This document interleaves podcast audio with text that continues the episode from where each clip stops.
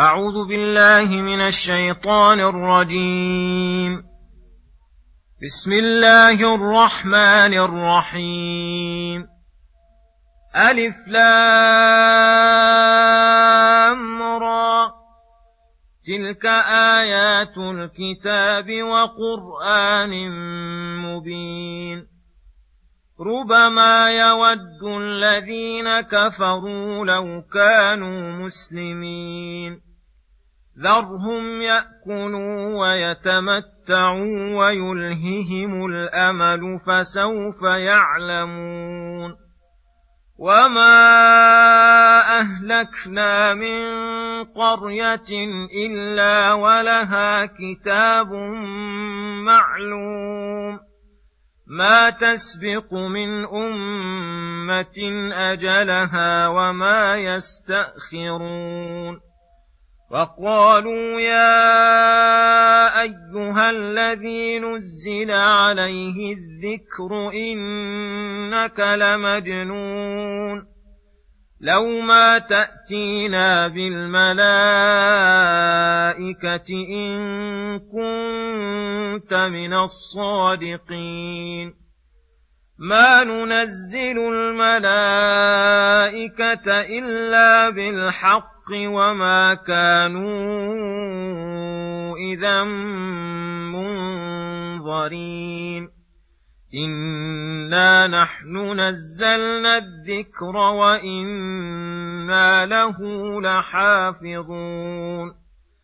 ولقد أرسلنا من قبلك في شيع الأولين. وما ياتيهم من رسول الا كانوا به يستهزئون كذلك نسلكه في قلوب المجرمين لا يؤمنون به وقد خلت سنه الاولين ولو فتحنا عليهم بابا من السماء فظلوا فيه يعرجون لقالوا انما سكرت ابصارنا بل نحن قوم مسحورون السلام عليكم ورحمة الله وبركاته. بسم الله الرحمن الرحيم. يقول تعالى معظما لكتابه مادحا له تلك آيات الكتاب أي الآيات الدالة على أحسن المعاني وأفضل المطالب. وقرآن مبين للحقائق بأحسن لفظ وأوضحه وأدلة على الم... وأدله على المقصود. وهذا مما يوجب على الخلق الانقياد إليه والتسليم لحكمه وتلقيه بالقبول والفرح والسرور. فأما من قابل هذه النعمة العظيمة بردها والكفر بها فإنه من المكذبين الضالين الذين سيأتي عليهم وقت يتمنون أنهم مسلمون أي منقادون لأحكامه وذلك حين ينكشف الغطاء وتظهر أوائل الآخرة ومقدمات الموت ومقدمات الموت. فإنهم في أحوال الآخرة كلها يتمنون أنهم مسلمون وقد فات وقت الإمكان. ولكنهم في هذه الدنيا مغترون ذرهم يأكلوا ويتمتعوا بلذاتهم ويلههم الأمل اي يؤملون البقاء في الدنيا فيلهيهم عن الآخرة. فسوف يعلمون أن ما هم عليه باطل وأن أعمالهم ذهبت خسرانا عليهم ولا يغتروا بإمهال الله تعالى فإن هذه سننه في, الأمم فإن هذه سنته في الأمم وما أهلكنا من قرية كانت مستحقة للعذاب إلا ولها كتاب معلوم مقدر لإهلاكها. ما تسبق من أمة أجلها وما يستأخرون وإلا فالذنوب لا بد من وقوع أثرها وإن تأخر. ثم يقول سبحانه وقالوا يا أيها الذي نزل عليه الذكر إنك لمجنون.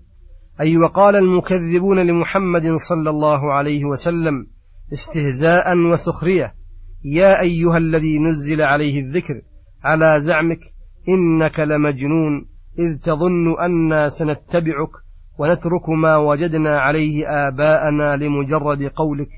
لو ما تأتينا بالملائكة يشهدون لك بصحة ما جئت به إن كنت من الصادقين فلما لم تأت بالملائكة فلست بصادق وهذا من أعظم الظلم والجهل.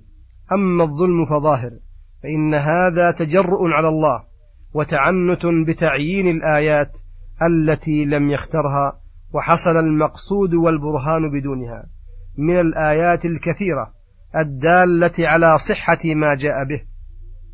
وأما الجهل فإنهم جهلوا مصلحتهم من مضرتهم. فليس في إنزال الملائكة خير لهم بل لا ينزل الله الملائكة إلا بالحق الذي لا إمهال على من لم يتبعه وينقد له. وما كانوا إذا أي حين حين تنزل الملائكة إن لم يؤمنوا ولم ولن يؤمنوا منظرين أي بممهلين. فصار طلبهم لإنزال الملائكة تعجيلا لأنفسهم بالهلاك والدمار فإن الإيمان ليس في أيديهم وإنما هو بيد الله. ولو أننا نزلنا إليهم الملائكة وكلمهم الموتى وحشرنا عليهم كل شيء قبلا ما كانوا ليؤمنوا إلا أن يشاء الله ولكن أكثرهم يجهلون. ويكفيهم من الآيات إن كانوا صادقين هذا القرآن العظيم. ولهذا قالها هنا إنا نحن, إنا نحن نزلنا الذكر أي القرآن الذي فيه ذكرى لكل شيء من المسائل والدلائل الواضحة وفيه يتذكر من أراد التذكر وإنا له لحافظون أي في حال إنزاله وبعد إنزاله. ففي حال إنزاله حافظون له من استراق كل شيطان رجيم وبعد إنزاله أودعه الله في قلب رسوله واستودعه في قلوب أمته وحفظ الله ألفاظه من التغيير فيها والزيادة والنقص ومعانيه من التبديل فلا يحرف محرف معنى من معانيه إلا وقيض الله له من يبين الحق المبين. وهذا من أعظم آيات الله ونعمه على عباده المؤمنين ومن حفظه أن الله يحفظ أهله من أعدائهم ولا يسلط عدوا يجتاحهم.